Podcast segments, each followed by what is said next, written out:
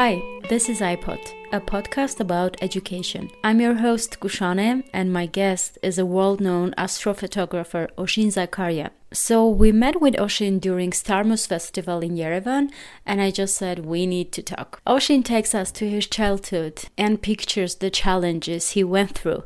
Then he emphasizes how photographers try to inform about light pollution through their photos, and gives an amazing advice for the children who have a dream.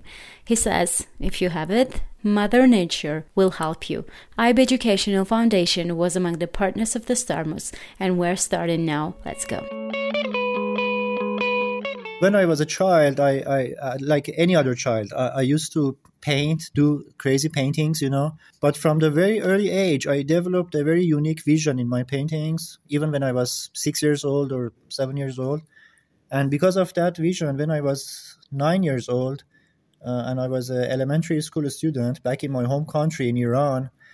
Uh, there was this uh, international uh, uh, UNESCO uh, competition, like painting competition for the children of the world. So I actually participated in that competition and I won the third prize, like the, the bronze medal. The painting that I painted, it was like a city of the birds, the, the, the title of the painting. It was a city of the birds what I painted in the picture, and I, by the way, I had my style of doing very little paintings, like details. So from the early age, I was paying attention to all the, these details. You know, like there was this uh, school for the birds in the corner of the painting, showing like the the bird teacher. So they they had their wings, you know. So like the teacher was showing a cat on the board to show the little birds that oh this animal is dangerous you need to be careful you know? And then and then there was the, the, the, the another bird on top of the p- painting that he was uh, she she was hanging like the dresses to dry like on the hanger you know? And then there was the army of the birds mm-hmm. that they were flying in the sky with the swords and like the i don't know weapons you know? Oh my god so it's because funny. of that creativity actually i think because because i was very young i mean i was just nine years old so and i won the medal bronze for uh, the, the bronze medal sorry mm-hmm. for for that painting so i continued my painting until i was 16 years old when actually i painted my last like professional color painting with color pencil still when i look at my own painting i can't believe that it's my painting. You know. Oh, really? This is what I did. Do you paint now? Sometimes, if I, I have time. Yeah. Okay. This is my last painting, which I did. Oh wow! My last year's painting, which I did when I was only sixteen. Yeah. Oh, nine weeks to complete this yeah, piece. Wow. Yeah, almost hundred hours. Uh-huh. Color pencil is much different than than oil painting. Do you have to put all these layers on top of each other, and you don't have to ha- make a mistake because otherwise you cannot go back. I see. Mm-hmm. Like like for oil painting, you can use some I don't know material to clean and then put another color and paint it, paint it again. You know, but this one you are putting pressure on the paper with the pencil. You know, and then it's it's not easy to clean and mm-hmm. to do mm-hmm. it to do it again. So anyway, when I did this painting, after that something interesting happened, and one summer day I was doing I was bicycling uh, in, in my district in my home, mm-hmm. around my home, and I came across a newsstand uh, selling like books and magazines. You know, uh, one magazine actually grabbed my attention, and that was the Nujum, or in Persian language it means astronomy. Nujum. Nujum. Mm-hmm. In Persian language it means astronomy. So that magazine, uh, that one, that that was the first uh, issue of that magazine, and the exact date of the publication was September 1992. So it's almost uh, not almost. Exactly exactly exactly 30 years ago. That's very interesting i was two years old. Oh my god. That's very interesting to actually because it's almost the 30th anniversary of my love for astronomy you know? So anyway uh, I grabbed the magazine and, and, I was just going through the pages, you know, and I didn't understand anything because it was very hard. It was about astrophysics and I don't know galaxies, you know. But there was one article in that magazine eh, that really catched my eye, and that was the title of the article was how to take basic pictures with old cameras, like mm-hmm. the film, because at that time there was no digi- digital, no email, no digital, no no social media, nothing. The the life was so organic you know everything was just organic and natural. Oh my god look at this article. And i got i purchased that magazine you know and went home and i started thinking to myself hey i have i have a, i need to get a camera. And we had a little camera at home in the closet you know so i just grabbed that one started doing some kind of shots you know. None of them they were good you know so and then I get another Russian camera, the Zenit cameras. And the Zenit was, was my first serious camera. And I, I think I paid only almost like $10 for that or even less, like $5. so I put a roll of film in the camera and I went to the balcony of my place in Tehran, in Iran, you know, and I, I started taking some pictures, even with that light pollution in uh-huh. the city. But I tried to get some pictures of like some planets and the moon. And the moon was looking like a small dot in my picture because I didn't know what should I do. Usually, when I take pictures with my phone, it's the yeah. same. so which which lens should I use? Or I didn't have any idea what is photography, what is astronomy, how to photograph the moon, how mm-hmm. to photograph this, that, you know. No, zero, zero knowledge. So everything I did was on my own. I didn't go to any school, I didn't take any classes, but I just started just purchasing that magazine. So every month that, that the magazine was printing, I was getting that and I was uh, reading, and little by little, also because there was a map of stars in the middle of the magazine each mm-hmm. month. So it was showing how the sky looks like in September, in October, in November, you know, the names of the constellations like the Big Big Dipper, the Scorpion, Sagittarius, and so I also, uh, besides what I was doing for my practical photography, I also started learning the names of the stars. So, so, it's not enough to have the ability to take photos. You need to know a, a exactly, lot about astronomy. Exactly.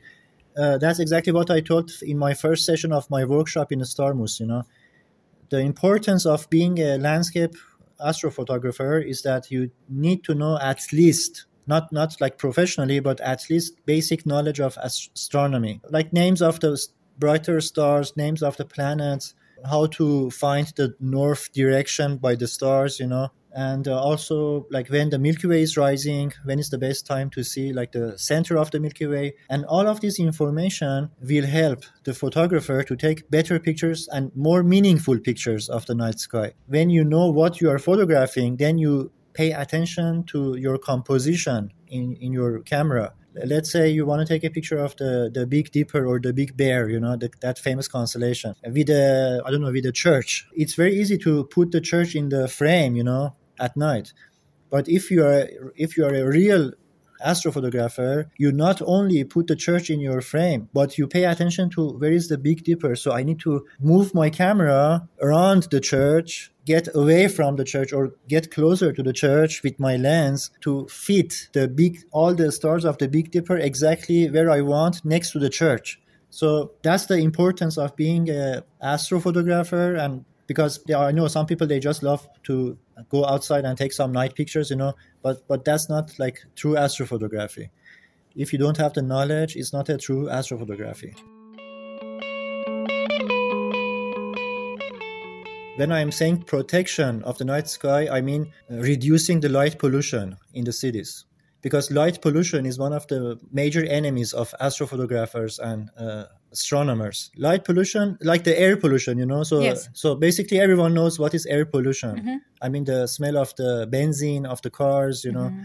and the smog in the air and dangerous things in in the air yeah yeah mm-hmm. but but light pollution actually is the unwanted lights or the unnecessary lights that they are so strong that actually they cause for us not to able to see to not to be able to see the stars so in the major cities you can only see the moon or some little like just maybe like some bright planets in the in the cities.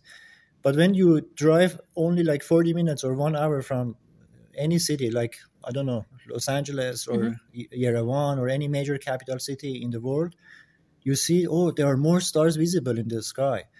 So this is what i mean by light pollution. I mean because lights when you use the lighting for our homes in the streets uh, there is no shelter on the light bulbs. So the light uh, is not actually illuminating uh, the, the, the streets. It's just spreading all over the place. Mm-hmm. And also, I think it's a waste of energy. Energy. So the best way to protect and also to save the energy is to use a kind of like a mm, dimmer lights and also put shelter or protection on top of the light in order not to spread the light to the sky. So that way we can preserve the, the night sky and see more stars in the cities. So if you check out my portfolio, most of my shots are including lands, beautiful landscapes or like monuments in as a foreground in the pictures. Um, the other aim of my photography is to show that all the everywhere doesn't matter that where you are and where you are photographing all the night sky looks the same so this this is a very good reason for the unity of the people together. So it's kind of uh, it has the, the the message of love and message of like unity and respect you know? And uh, because when we are under the stars then the borders are gone. There is no border. So there's no border and then, then there's no war you know? So uh, i try to have these meanings in my photographs and by by trying to travel to different places in the world to capture all these beautiful night skies i think it's the, that's the best way to make all the people come together. Because all the people they share the same passion regardless of which race or which country they are from. So i think that's one of the other main reasons that why i'm doing this kind of photography. I, I liked the mount everest uh, base camp sky because uh, i was there like in 2009 and I was with my close friend and National Geographic photographer Babak Tafreshi, and uh, uh, we were trekking trekking on the route for two days in high altitude, and I had all my heavy photographic gear in my backpack, heavy heavy tripods, heavy cameras. In the lack of oxygen in that altitude, you know, it's really hard to do mountain climbing and at the same time doing photography. But anyway, we managed it, and uh, we took really good shots of Mount Everest and other like those beautiful mountains uh, with the star stars and the Milky Way. Are there rich photographers in the world? there are, yeah, there are. Basically, making money from any craft or art is a diff- whole, totally different story. Uh, some people they do this photography just for the passion, for the love of, of, of the or the craft, you know, of of the job that they're doing basically it might lead them in future to make like money from the, the thing that they're loving or doing you know? Mm-hmm. uh, the same for me. So when i started uh, my photography uh, it was just a passion and just a love for the night sky and uh, astronomy. But later basically when you improve and you get better and better equipment and doing like better shots and making connections with bigger organizations you know basically that that's already getting out of that territory of yeah. being only a passion. And uh, because everyone needs to live you know? So why why not to make money from the job that you love? This is the best thing i can yeah. Like like a musician you know? Uh, they play music they make money. When they make money from the the job that they are doing they they get more they become more motivated to do better and better you know mm-hmm. because it gives them very good feeling about what they're doing. So in photography uh, there are so many fields of photography. So in astrophotography it might be so difficult to make like really good money unless you are very well known in the world or, or become like a national geographic photographer who who they are always on the assignments you know to different countries you know.